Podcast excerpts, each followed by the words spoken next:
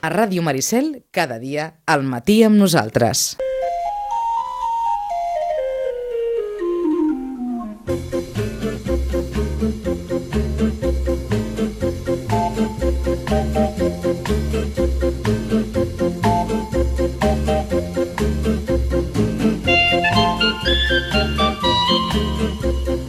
I després d'uns quants mesos de, de veure'ls en una pantalla, amb mascareta, però els veiem aquí.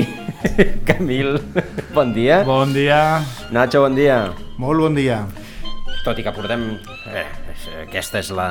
Esperem que sigui l'última sense amb la mascareta posada, però bé, és igual. Eh, com a mínim... Tu espera't que hi haurà més girs de guió, segur. Sí, sí, sí, sí. No, no acaba mai aquesta sèrie. Ah, exacte. Eh, sí, de capítol rere capítol i no s'acaba mal, és un culebrot d'aquests. Semblava que acabava la Covid i de cop i volta ve una onada nova que només és per Carnaval, oi? De grip. Seria aquesta, de grip, de grip. Eh? Perquè en Camil ens ha passat la grip entremig. De... Sí, jo no he passat el Covid, però mira, l'he enganxat Mhm. fort. Bé, Bueno. Aquestes coses que passen. Jo ja estic una mica lluny ja tu, o sigui que espero que amb això i la mascareta no... A la pregunta, eh, la grip serveix per mirar més encara a la pantalla o no? No, no, perquè estava tan, tan xafat que no, l'últim que em venia de, de ganes era veure la sèrie. A més, engegaves la tele i veus totes aquestes notícies Sí. tan positives que estàs Veure veient la cada tele dia no, no, no és i una quasi bona que és idea per millor agafar un llibre i aïllar-se. Mm, La vida se supera, la, com sempre, la ficció, oi? A veure, mm, doncs va, comencem que així tindrem temps una miqueta de, de destil·lar tot el guió, tot i que avui no n'hi ha, no ha moltes de- d'estrenes, estem en, aquell, en un d'aquells moments d'impàs de, la, de la temporada, però les que ens proposen, val a dir que hi ha, hi ha coses com a mínim diferents i, i per tant doncs, sempre tot, tot allò diferent eh, pot generar interès. La primera, ens n'anem doncs, això, a, la, a la plataforma alternativa, a Filmin. Este de aquí soy yo, y ahora mismo estoy ayudando a mi hija a hacer pis. Los abuelos de Kiki van a conseguir la custodia de la niña porque siempre hacen que yo parezca un mal padre.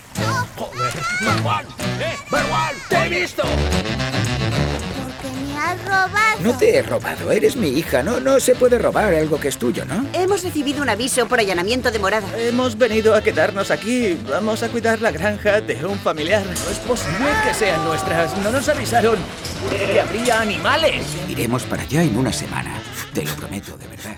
L'àudio del tràiler, primera, ja ens suggereix que estem davant d'una comèdia, però no ens suggereix ni que aquesta comèdia sigui noruega, ni que els personatges siguin musulmans. No, no, no, són tots, parlen molt bé i no hi ha cap accent estrany. Veure, Countryman. Countryman. Que Així com els homes de camp, no? És la història, és una comèdia, exacta, que és una de les sèries de l'any a Noruega. De fet, va guanyar una sèrie de premis al, al Festival de Cannes Sèries.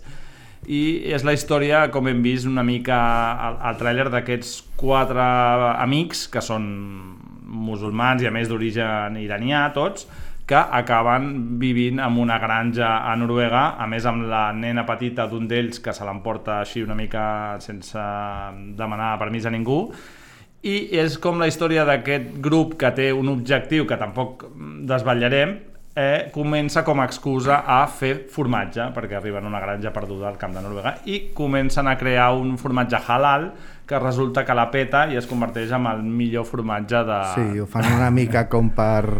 Exacte, com a tapadera, diguéssim. Tapadera de lo que volen fer i els hi surt el formatge rodó, mai millor dit. I, i bueno, doncs a partir d'aquí... Em recordo una mica a la peli aquesta del Woody Allen, no? de, de Granujas de Medio Pelo, que, Sí. que, que són aquests lladres que munten com a tapadera una, un, no? una, una una pastisseria de, de, galetes. de galetes i, resulta que i es el que volen és Es- eh, arribar al banc que hi ha al costat i, Ah, i triomfant amb les galetes. Es fan d'or venent galetes, no? Llavors és una mica aquesta premissa eh, i, i és una sèrie que aborda temes mm, bastant seriosos. Ja hem vist ja el primer, això, no? d'en- d'endur-se la filla mm, sense, sense permís, el tema de la religió, el tema del terrorisme, el tema de la immigració, temes com molt seriosos però des d'un punt de vista molt còmic i, i, i que realment són això, quatre inútils eh, no? Sí, que, a més ells són, són beneits d'aquests que no... Bueno, Exacte, em recordava també a Fort Lions, no? aquests quatre amics que volen fer un atemptat no? I, i com aborda aquesta història des de la comèdia, doncs una mica eh, va en aquesta, en aquesta línia de, de tractar temes molt seriosos des d'un punt de vista com molt, molt, eh, molt còmic i, i, però que alhora et fa pensar, no? És una, una, una bona descobriment de, de filming que sempre ens porta a aquestes sèries una mica alternatives. Per cert, el protagonista de la, de la sèrie, un dels, un dels quatre, eh, també surt a, a una altra sèrie noruega, Home Ground, Sí, eh, fent el paper de futbolista musulmà Sí, clar, de l'equip. si, ets, si tens aquest aspecte, doncs et toquen aquest tipus de papers. doncs per això, però bueno, en qualsevol cas, eh, Countryman eh, ja està disponible, vuit episodis, curtets. Curtet. Exacte, a Mhm. Filmin. doncs una de les, eh, de les propostes, una de les propostes diferents. Hi ha molta proposta diferent, eh? avui ja, ja els ho advertim, n'hi ha poques, però però allò, sortim allò del clàssic i del, i del detective i d'aquestes coses que, que a vegades doncs, uf, al final acaba cansant perquè tens la sensació d'estar mirant la mateixa sèrie moltes vegades. Vinga, la segona ens porta a HBO Max. If I didn't care can say, you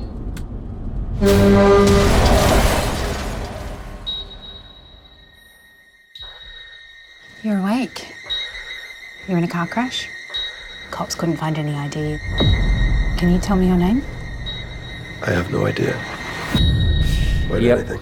I a partir d'aquesta premissa eh, se sent un cop, és a dir, ha tingut un accident, li explica a la infermera, la- no sé si és la infermera o la policia, la policia, la la policia, que li policia. explica i li pregunta el nom, no en tinc idea. Es diu El Turista, és australiana, no? australiana, quan comença una sèrie d'aquestes, un tràiler amb aquesta musiqueta clàssica, no?, dels anys 50... De cançó, de bon rotllo, però dius, que li donen la, vol, la, li donen la volta, sí. Malo, malo. Doncs, bueno, El Turista és una sèrie de- que ha estrenat HBO Max des del dia 3, ja sabem que HBO penja un capítol cada setmana, i tracta sobre un home que mm, el primer que veiem és que està conduint per les carreres d'Austràlia, per els deserts aquests, i un, bueno, hi ha un camió que comença a perseguir-ho, i arriba un moment que li dona un cop, ell té un accident, es desperta a un hospital i no sap, no se'n recorda de res, no sap res i no té cap documentació. Llavors ell intenta doncs, eh, esbrinar qui és, de què ve i què, què és el que està passant amb la seva vida perquè a partir d'aquí comencen a, comença a tenir doncs, ensurts importants, intenten matar-ho diverses vegades i ell no sap res del que passa. El, el protagonista és el Jamie Dornan, que és aquest actor nord-irlandès que es va fer famós per ser no, el de les 50 eh, 50 sombres de Grey. de Grey eh, i que aquí demostra que és molt més que... que Sí, bueno, que ja ha fet- ja ha fet Havia fet coses. no? la sèrie amb la Gillian Anderson on feia de psicòpata, que ho feia Sí, però també bé. feia un paper així com molt Sí, de, de no posar, casa, posar cares de Una mica Keanu Reeves, no? de, de mostrar poca, poca emoció Però per de mica en mica perquè també és el protagonista de Belfast, la pel·lícula Sí. de Kenneth Branagh aquesta que està tan nominada als Oscars. Am, O sigui que es va fent un forat aquest home dins del, del panorama interpretatiu. I la sèrie té aquestes curiositats, no? Està ambientada al desert a l'interior d'Austràlia, no? Un lloc ja de per si que ens crida com molt l'atenció i té com molts elements que ens sonen, no? Jo, que Sí. A l'inici ja és com una mica la pel·li de Spielberg, El Diablo sobre ruedes, no? De, Sí, de-. D'aquesta persecució de, de camions amb unes carreteres que no saps ben bé per què, ni com, ni què, però tu quedes mirant. I després el tema d'una altra pel·li protagonitzada per un australià, que és Memento, no? D'aquesta pel·lícula on hi ha un personatge que no recorda res de la seva vida Sí, i ha d'anar amnesia. reconstruint una mica tot això doncs amb aquests, amb aquests ingredients i una mica d'humor negre estil Fargo eh, Sí, i personatges d'aquests eh, poblats no? petits que, bueno, que fan una vida una mica estranya o tenen interessos molt peculiars que també es eh, veu d'una mica de les pel·lis dels Coen. i la policia aquesta que surt que també és una policia com molt de poble no? Sí. una noia que mai Aquí- ha tingut aquí a Fargo també, no? Exacte, Sí, que mai ha això, tingut aquest cap, tipus de personatge. exacte, cap problema i de sobte es veu amb una trama de- d'intents d'assassinats màfies, aquest home que, Bombes, misteriós tal, i sí. com ella doncs, eh, lidia amb tot això. És una sèrie que té com molts elements bastant, bastant interessants i, i com a mínim és curiosa. Sí, i és trepidant, és això que comences a veure i bueno, doncs eh, vas tirant. Sis, Ah. I a més sis capítols només. També, també, també curteta, estan, eh, tiren bastant les sèries, les sèries curtes últimament. És d'agrair que, que com a mínim ara no hi hagi un... eh, no estigui estipulat, no? A, a no ser cadenes tradicionals, diguéssim, tu et pots permetre de que... 18, 24. Exacte, que les, normalment les televisions tradicionals hi havia doncs, si 13, 21, no? perquè han d'omplir aquests slots de, de programació. En canvi, al ser plataformes de streaming, està bé que el que mani sigui la història, i si una història la pots explicar amb 6 en comptes d'allargar-ho fins a 11, doncs tots, tot, ho guanya la història i ho guanyem els espectadors, òbviament. Sí, sí. Uh, uh, per cert, Memento va guanyar el Premi al Festival de Sitges. Ah, Festival de Sitges, sí, sí. Home, Memento és una gran pel·li. Sí, és, sí, sí, és, A més, va, és no solament té amnèsia, sinó que va cap enrere. Exacte. O sigui, comença pel final i va no, no, és que cap és, enrere. eh, el, el, el guionista de Memento Sí, tenia que fer com unes... No, perquè a més ell va recordant, només, ell va Sí, recordar ell només va els darrers 15, tatuant 15 coses, minuts sí, i després torna sí. a oblidar. Sí, sí, És una, és una, I es va tatuant el que no vol oblidar-se. És... No, no, és meravellosa. T'ho expliquen al revés perquè, perquè tu també vagis al mateix ritme Sí. que, que va ell. Vagis descobrint el que passa amb ell. Mhm. Doncs eh, El turista a HBO Max hi ha disponible també, sencera és? No, eh, No, HBO Max va penjant. Va penjant. capítol... Per setmana. Per setmana, Va, això perfecte. mateix. Bueno, ara, vinga, va, una altra, la més histriònica d'avui, em sembla a mi, eh? Vinga, continuem HBO Max. Blackbeard, Captain Kidd, the Gentleman Pirate. Well, the first two are like very, very talented pirates. But the last one is the scariest of them all. Instead of killing with weapons, he kills with kindness. Oh, right, so you're the g- gentleman pirate then. Well sussed. The rumor is you upended your entire comfortable life to become a pirate. I got bad news for you, genital pirate. Pirating is not for everyone. Yeah. It's a really dangerous life. Quan algú et diu que la manera que pots matar més és amb l'amabilitat, Sí. Hi ha algú, i més si és un pirata, hi ha algú que no, que no, hi ha algú que no funciona lliga, bé, oi? Sí. Nuestra bandera és de muerte, HBO Max.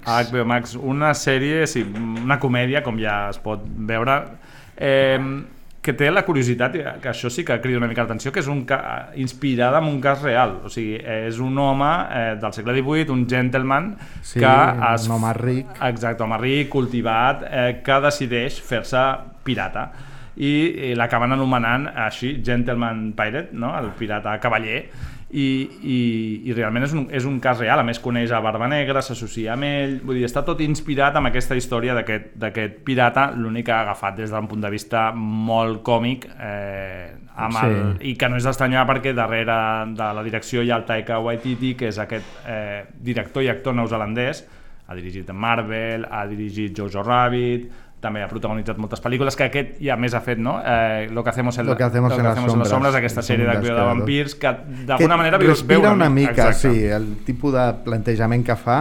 A veure, la sèrie és divertida, el primer capítol, bueno, són capítols molt breus també, que ajuda, com sempre, a les sèries a, a passar-ho millor. En el primer capítol, ell proposa als altres pirates que estan avorrits perquè mai ataquen cap vaixell, a brodar la bandera i que cadascú proposi la seva eh, logo per, per brodar la bandera. Doncs, bueno, és una mica aquest eh, humor absurd i a vegades una mica estracanada i bueno, doncs una sèrie bastant divertida. I a més, la curiositat eh, que ens lliga una mica aquí és que hi ha tres, tres dels, eh, crec que són 10 episodis, tres els dirigeix el Nacho Vigalondo, eh, aquest director eh, espanyol que ja està fent, ja fa temps que fa pel·lícules Fa a, a- a Hollywood, a Hollywood, sí. i que a més té un petit cameo a la sèrie, una sèrie que, com diu el Nacho, és això, t'ha d'agradar una mica aquest punt eh, Costa una pujat. mica d'entrar, és veritat que al principi desconcerta una mica, però bueno, té gags bastant divertits. Uh, per, per cert, aquest, aquesta revisitació de, de qüestions històriques a, a, a través de la, de la comèdia Mhm. uh, també va, va sortint, perquè de fa poc parlaven de The Great, Exacte. Mm, que ara ja ens n'acaba per la segona. Sí, sí, sí. Sí, que ha és- fet la segona. i- que és una aproximació, diguéssim, moderna a, respecte a la, a la història. En aquest sentit, tiren ja més això per la, per la comèdia, Mhm. però sí que es plantegen molt com devia ser la, el dia... Clar, aquí tens la imatge dels pirates d'això, de que si assaltant Maracaibo o, o amb els anglesos,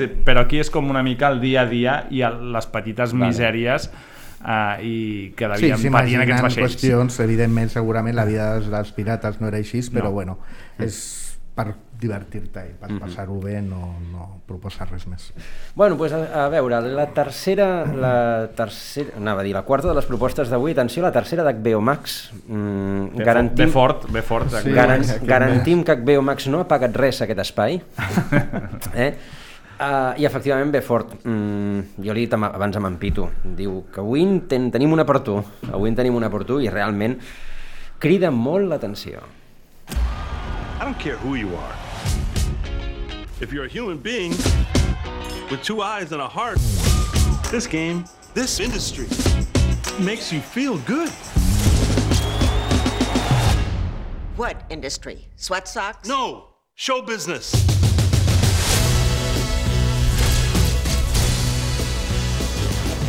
Perquè efectivament darrere del show business és la invenció de la nova NBA i és el que explica aquesta Tiempo de Victoria. Una sèrie, ja ho sentim, no? És molt setentera, amb aquesta Sí. música així com funky, discotequera... Que I reflec- l'estètica i els colors també són molt, Exacte. molt vius en aquella època. I reflecteix una història que és veritat que guanya si la coneixes, que és la creació, no creació perquè l'equip ja existia, la NBA dels Lakers, aquest, aquesta reinvenció, no? I, I ho resumeix molt bé una frase que deia el trailer, no? Que això no és esport, ni és eh, ni, va de, com es diu, sweat socks de, De ben- mitjons suats, mitjons, sí. sinó de show business, no? De com vendre un producte i és com la creació mm, d'aquests Lakers, Los Angeles Lakers, un dels equips mítics de la NBA, eh, i com generen aquest, mm, aquest Sí, com passa de ser un equip d'esport esportiu a ser un, un mega show... eh, Un producte universal que- que va revitalitzar sí, un la NBA. show on tu vas Exacte. allà i veus bàsquet, però també veus doncs, noies, gent i espectacle. És l'equip que va acabar, eh, diguéssim, agafar aquest, eh, aquest concepte del showtime, no? de, de, del tot és show, de passar-nos-ho bé, de que anar a veure els Lakers en un moment ja era com una cosa més de- d'estatus, de, de, de gent rica, gent famosa, de divertir-te i de vendre tot un producte que al final va ajudar a que la Lliga, a que en aquells moments la NBA era una cosa molt molt de capa caiguda que no atreia els espectadors es convertís en el que és ara, que és un producte global d'espectacle global, no? i veiem a personatges reals, Mhm. Magic Johnson, Karim Abdul-Jabbar, eh, Jerry West, la, tota aquesta gent que si coneixes realment el món del bàsquet, a mi m'agrada molt, i, i t'agrada, doncs de seguida hi entres. Potser sí que és veritat que si no coneixes molt o no t'interessa massa el tema, eh, no acabes de, jo de no, soc, connectar. jo, jo no soc molt esportiu, ja ho he dit aquí alguna vegada, però bueno, tot aquest enfoc de com eh, agafar un producte que està una mica de capa i caiguda i mitjançant donar-li mm, llum i color i fer propostes alternatives a lo que realment és el producte en si, que és jugar al bàsquet, m'agrada i veure com se'n surten, sí, sí, és una prosta interessant i el més, el, el primer capítol, que és l'únic que he vist, va agradar molt. I a més soc molt fan d'aquest actor, el James T. Reilly, o com es digui. Sí, el John C. Reilly, no? que fa de... Sí, de, que és de... aquest com de secundari, de que surten Sí, milions de pel·lícules. pel·lícules i molt de caràcter, i aquí fa de protagonista i està, està molt bé. És aquesta persona que compra els Lakers i, de, i decideix convertir-los en una altra cosa. Darrere de la sèrie, més, hem de dir que hi ha a, a un home que està completament de, Sí, de moda, també. el del, que és el David, David McKee, McKee. exacte, que ha dirigit la de No mires arriba, està darrere de Succession, que és l'altra gran sèrie emblema d'HBO, vull dir, és un home que està molt de moda i té un punt d'aquest eh, seu, no? Si heu vist No mires arriba, que tot és Sí. molt pujat i amb un molt ritme, molt de... Molts personatges, Molts personatges, exacte. molts molt- diàlegs... eh, molt coral, doncs el, la sèrie va una mica amb aquesta, amb aquesta línia. Ell no dirigeix, fa de showrunner, però es nota molt la, la seva La mà. seva mà. Sí, de tota manera, eh, les, eh, els americans tenen, tenen una mà especial en, explicar-los les històries que hi ha al voltant de l'esport. Fins i tot allò, mires coses de, de béisbol o de futbol americà, que són esports que aquí, diguem, Sí, no, totalment no aliens. I, i, i t'enganxen. O sigui, sí. en el cas del bàsquet, que ja és un esport que més o menys aquí ens acosta més, tot i que en aquella època jo era més dels Celtics, eh? Jo no, jo, veus, jo era del, jo dels Lakers, els Mm, Celtics. però surt, el tràiler surt en la River. Sí, surt en la Cosa que- River. Perquè, a més a més, la història entre la River i Magic Son- Johnson també és molt bonica. Exacte. I, i donaria per una, una sèrie a part, perquè ja s'han escrit llibres. Però tens raó que això, que els americans saben donar aquest, aquest, aquest aire com quasi de Popeia a, a, al tema esportiu, no? És veritat, jo, jo Però el és que, béisbol no eh, m'agrada, el futbol americà no m'agrada de veure'l, però en canvi les sèries i les pel·lis m'atrapen molt més que, que aquí no s'ha aconseguit, no? Amb el Mm. futbol, no hi ha No, una gran perquè pel·lícula de el que futbol. fan molt bé els americans, que és el que explica la sèrie, és agafar algú i d'allò fer un show absolutament epopeico Sí. i llavors, bueno, doncs això a la resta del món tenim eh, punts de vista en comú per lo que ens està explicant, que és una epopeia, i ens en passem. Sí, uh, tot i que aquí en l'esport jo no veig Santillana, el ídolo de la... Butragueño, no? Butragueño. la quinta del buitre. Jo que sé, segurament donaria per una, Mm. per una pel·lícula, una cosa d'aquestes, o, o jo Segur que sé, que- o segur que Cruyff, sí. el Dream Team de Cruyff. Si ho venem amb l'epopeia darrere... Mm, Però fins i tot jo crec que també és el concepte de l'esport, Sí, sí, no? sí, és Aquí és, una cosa molt més de clubs, de passió, de bandera. Allà és com, bueno, una altra cosa, un altre show més, que, que tu, pues no, no hi ha aquest arrelament dels equips, és una cosa que ha estat molt més professionalitzat i interessa molt més aquestes històries no? de, dels personatges que hi ha darrere, jo què sé, Michael Jordan, de les dents, eh, no? de, Mm. de bigger than life, que diuen ells, més grans que la vida. En canvi aquí, doncs, no hem acabat de fer una sèrie Però jo penso que això és com una ho pel·lícula. planteges i, i com ho vens, eh? de veritat. Penso que la figura del Cruyff i la Barcelona de- d'aquests anys i el que li passava al Barça, d'on venia i cap a on anava, Sí, si sí. ho Sí, vens ha- amb una ha- ha donat per documentals. darrere- Exacte. Sí, però, Però si, no li dones, si li dones el toc aquest més dramàtic... Mm, Sí, bueno, s'ha fet la sèrie que es aquesta de Maradona, fer. per exemple, però clar, és una sèrie que, pff, és, que és molt cutre, no? Sí, Eh, sí, sí, sí, i, bueno. bueno. està Ted Lasso, però fins i tot Ted Lasso han hagut de venir els americans Sí. a fer una sèrie sobre futbol britànic que no t'ho ven d'aquesta manera espectacular, però t'ho tragues, no? Mm. Llavors, crec que falta aquí aquest, aquesta concepció de fer una sèrie sobre, sobre un esport que... No, és que, és, és que costa. Eh, i a mi m'agraden les, les, les pel·lis i les sèries d'esports, te'n vas a la secció específica de filming, Mm. que té secció Sí. específica, i costa trobar una cosa que diguis, hosti, bé, sí que hi ha, jo sé, una sobre Emil Zatopek, si vols, Mm, allò, vinga, un tio que corre, val? Sí, Carros de Fuego, no? Una cosa Ah, sí, així. això, però, però fora d'això mm, trobes molt poques Sí, coses. en canvi veus Moneyball, que va d'un tio que fa estadístiques de béisbol que dius és la cosa menys atractiva del món a priori, Sí. perquè tampoc a més sé res de, de béisbol i, I no m'interessen els números i la peli te la tragues, Sí, però... Sí, sí, sí, a més és molt bona aquesta. Sí, sí, sí, sí. Bueno, doncs, eh, qui estigui interessat, eh, Tiempo HBO. de Victoria, exacte, HBO ja està, ja està començada també a, Sí, a hi ha, penjar. un, hi ha dos capítols. Dos capítols, sí. Uh -huh. Doncs la història dels Lakers dels anys 80. Vinga, va, i la ració espanyola eh, d'avui eh, ens la porta Movistar Plus.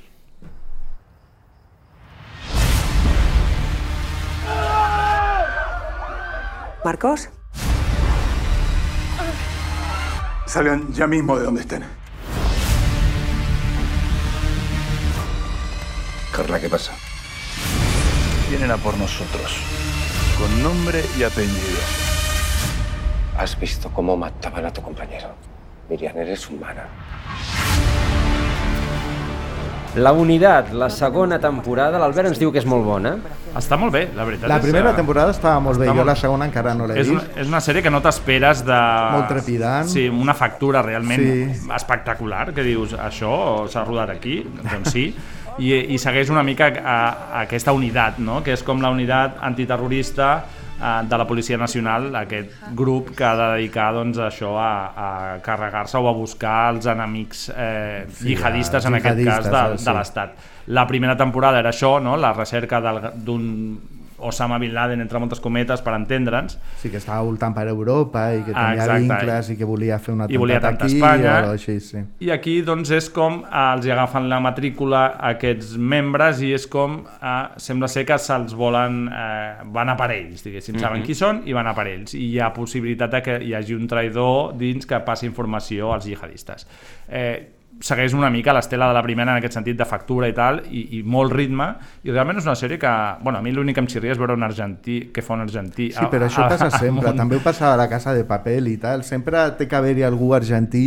Ja, però què fa un argentí a la unitat antiterrorista de la Policia Nacional? Ah, que això és encara que no... Bueno, doncs no sé, jo No no, no sé si és per eh, apropar-ho al públic eh, llatí o no sé ben bé, però sempre a les produccions surten actors que són molt bons i tal, a les produccions espanyoles aquestes de- d'acció, actors argentins, que em sembla molt bé, però em crida l'atenció. Eh, la Natalie Poza és la protagonista, és la, és la dona que porta aquesta unitat i després... que pateix molt, pateix sempre molt, està sempre. patint moltíssim. I té tot aquest look així com blavós, molt típic de Jason Bourne, d'aquestes pel·lis, saps? Aquests, eh, aquest, té una mica aquest look i realment hi ha seqüències com un atemptat a la, a la calle Preciados de Madrid, que ens podria recordar una mica l'atemptat de real que va haver-hi a, a les Rambles i que realment et posa cara de- el cor en un, en un puny perquè està molt ben rodada a partir d'aquí eh, doncs a qui li I també surt ara aquest actor gallec, que és que no me'n recordo Luis Taera, sí, sí, que- que, que ara ho fa tot, i vienen sempre té aquesta a por veu que, tal, todos. que no sé què, i, no, i sempre fa el mateix paper, una mica com el Coronado. Sí, uno por uno. Té aquesta veu com molt particular i d'aquesta manera de, de llançar el text que de Sí, seguida que és com ja... una, una amenaça, t'està Sí. dient porta'm un tallat, però és com si no li portes i... Bueno, uh, la unitat està... La segona temporada, a partir de demà... Exacte, la arriba demà a Movistar, ja estan realitzant una promoció Sí. per Tiana Mariaire i ja està, en breu ja la, la penjaran una, una sèrie del Dani de la Torre, que és el uh Mhm. director del Desconocido i tal, i l'Alberto Marini també, que són els dos showrunners de- d'aquesta d'aquesta sèrie. Doncs fins aquí les, eh, les propostes de- d'aquesta d'aquesta quinzena, d'aquest inici de, de, de mes de març, eh, i a partir d'aquí, notícies. Eh, el- bueno, digueu vosaltres.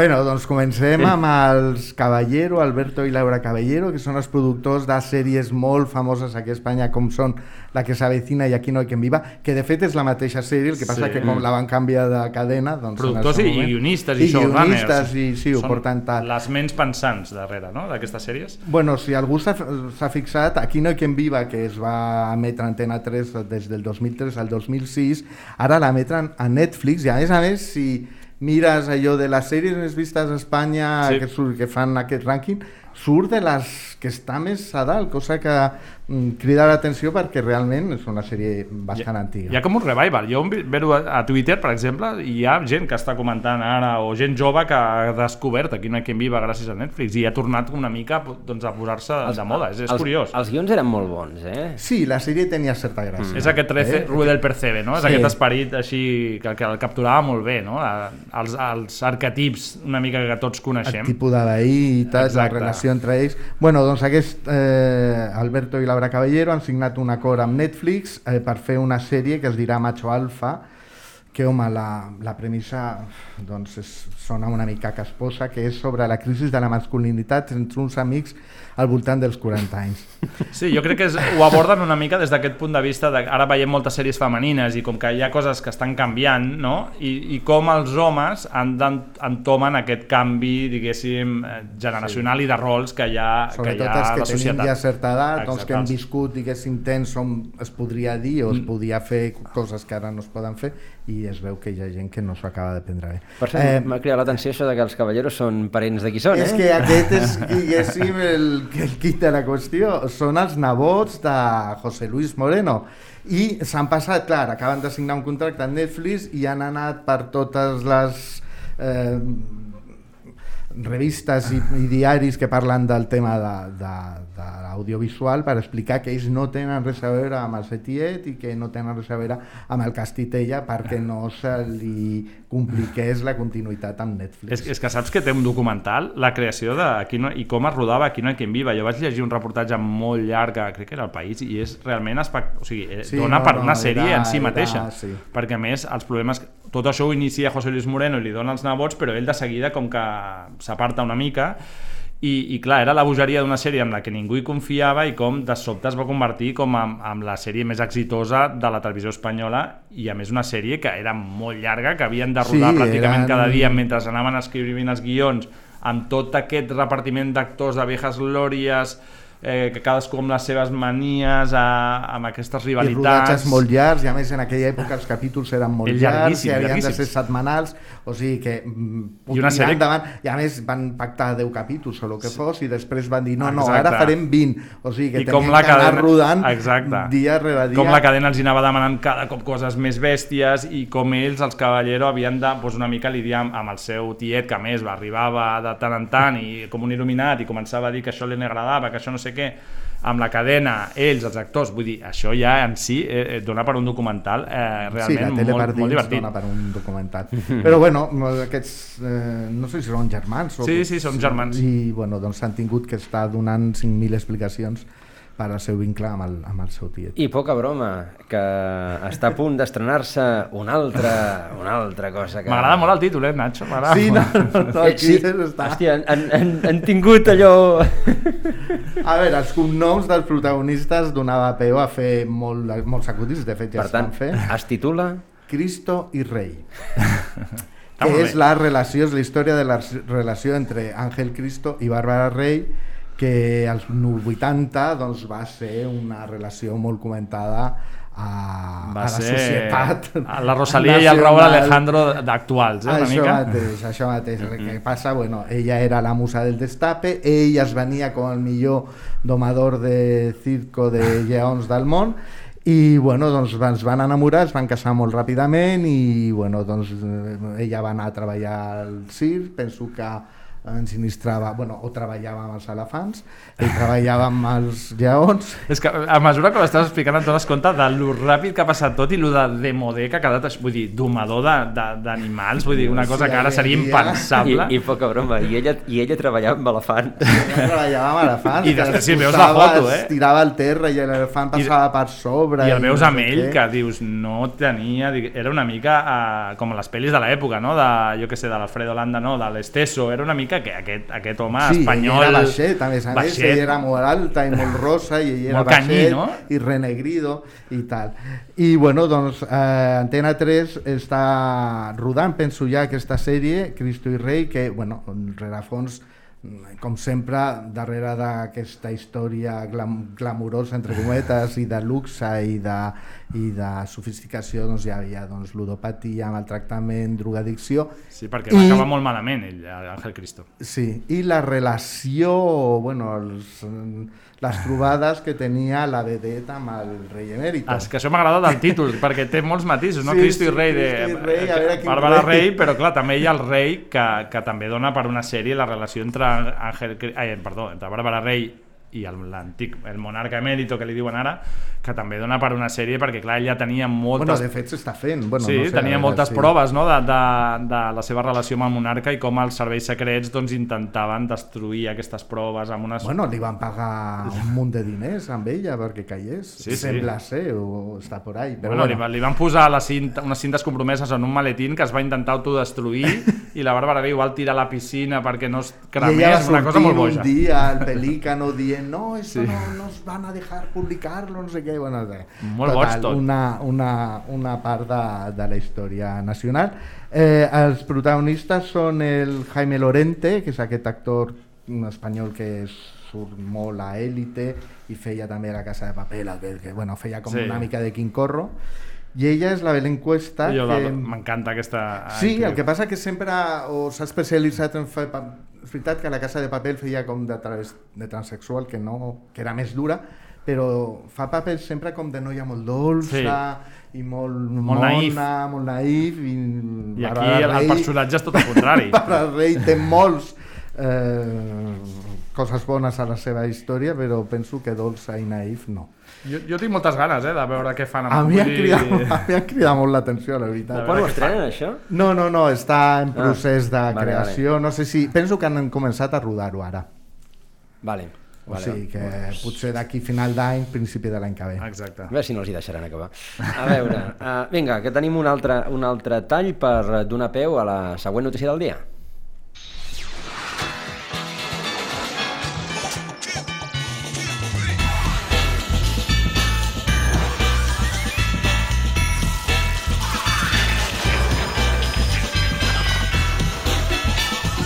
Això és, era, la sintonia de Futurama. Mítica. Era i tornarà a ser-ho, bueno, Mhm. perquè eh, Disney ha, ha contractat nou, eh, 29 capítols de la sèrie Futurama, una sèrie mítica eh, de dibuixos animats dels creadors dels Simpson que bueno, parlaven d'un noi que és un repartidor de pizzas que es queda congelat durant mil anys i es desperta mil anys després i bueno, doncs té que lidiar amb el seu dia a dia amb un grup d'amics que fan aquell moment.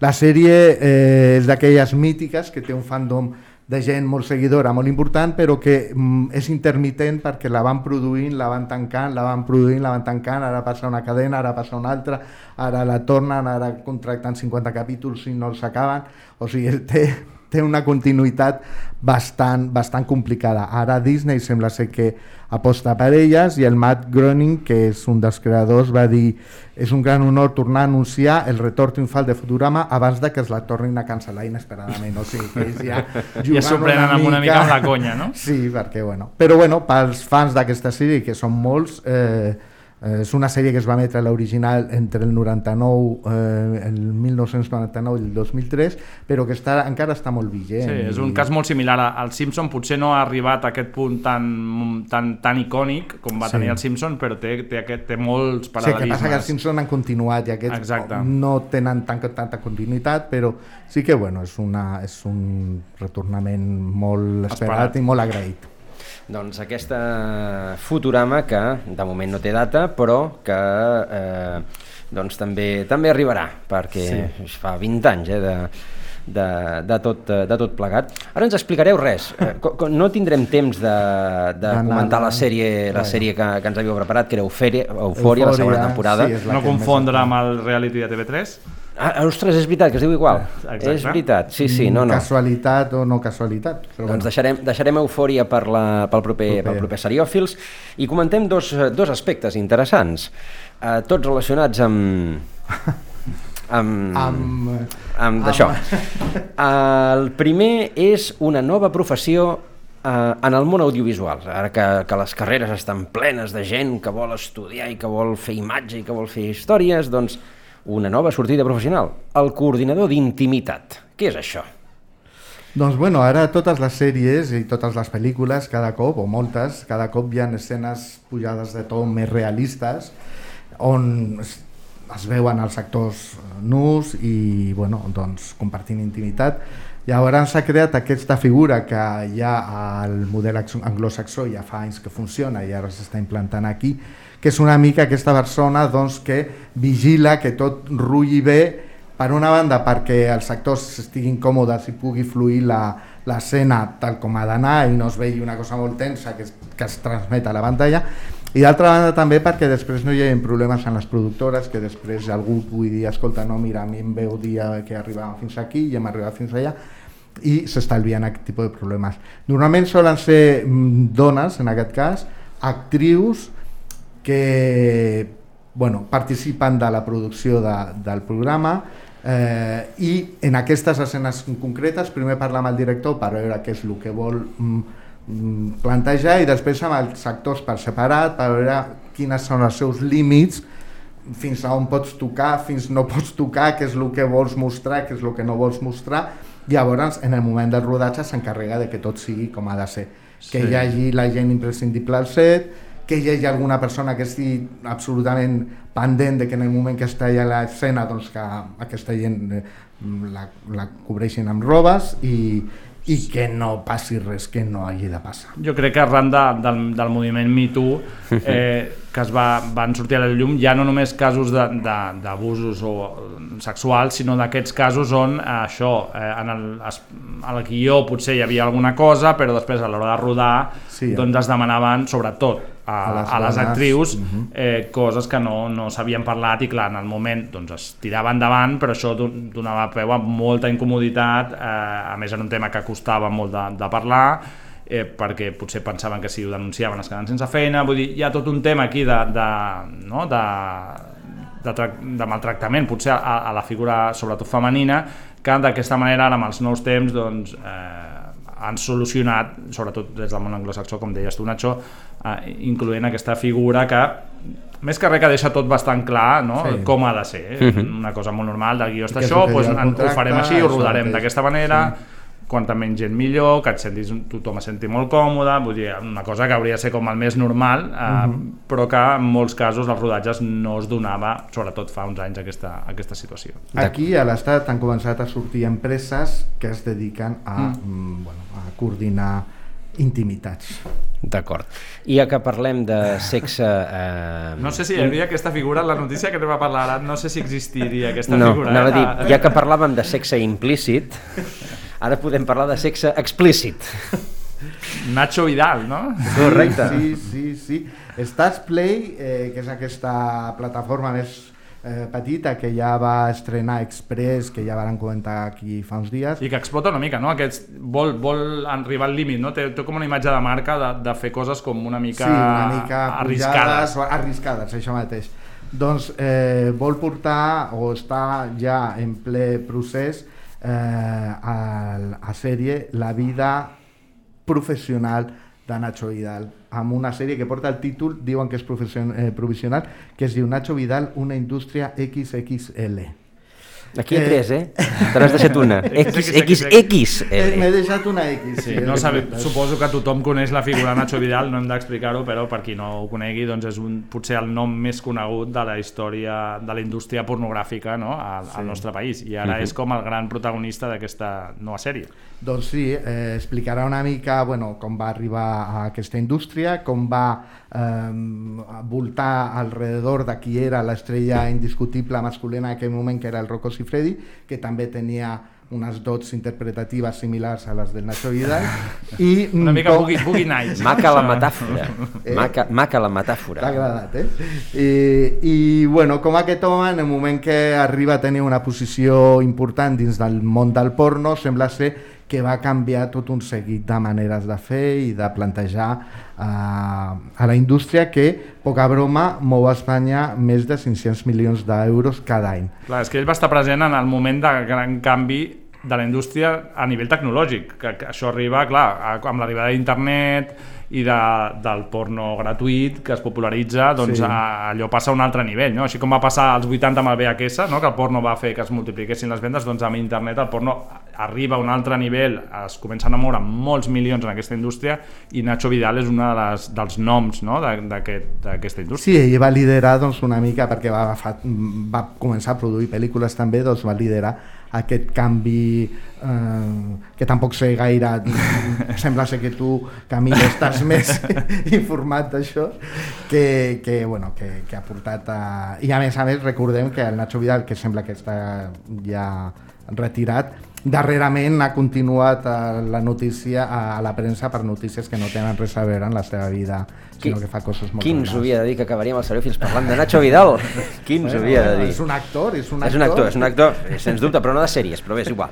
Uh, o sí? Sí, sí, perquè és com un les seves produccions.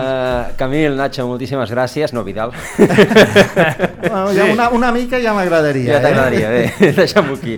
Que passeu també un bon dia i ens en retrobem d'aquí a tres setmanes. I nosaltres.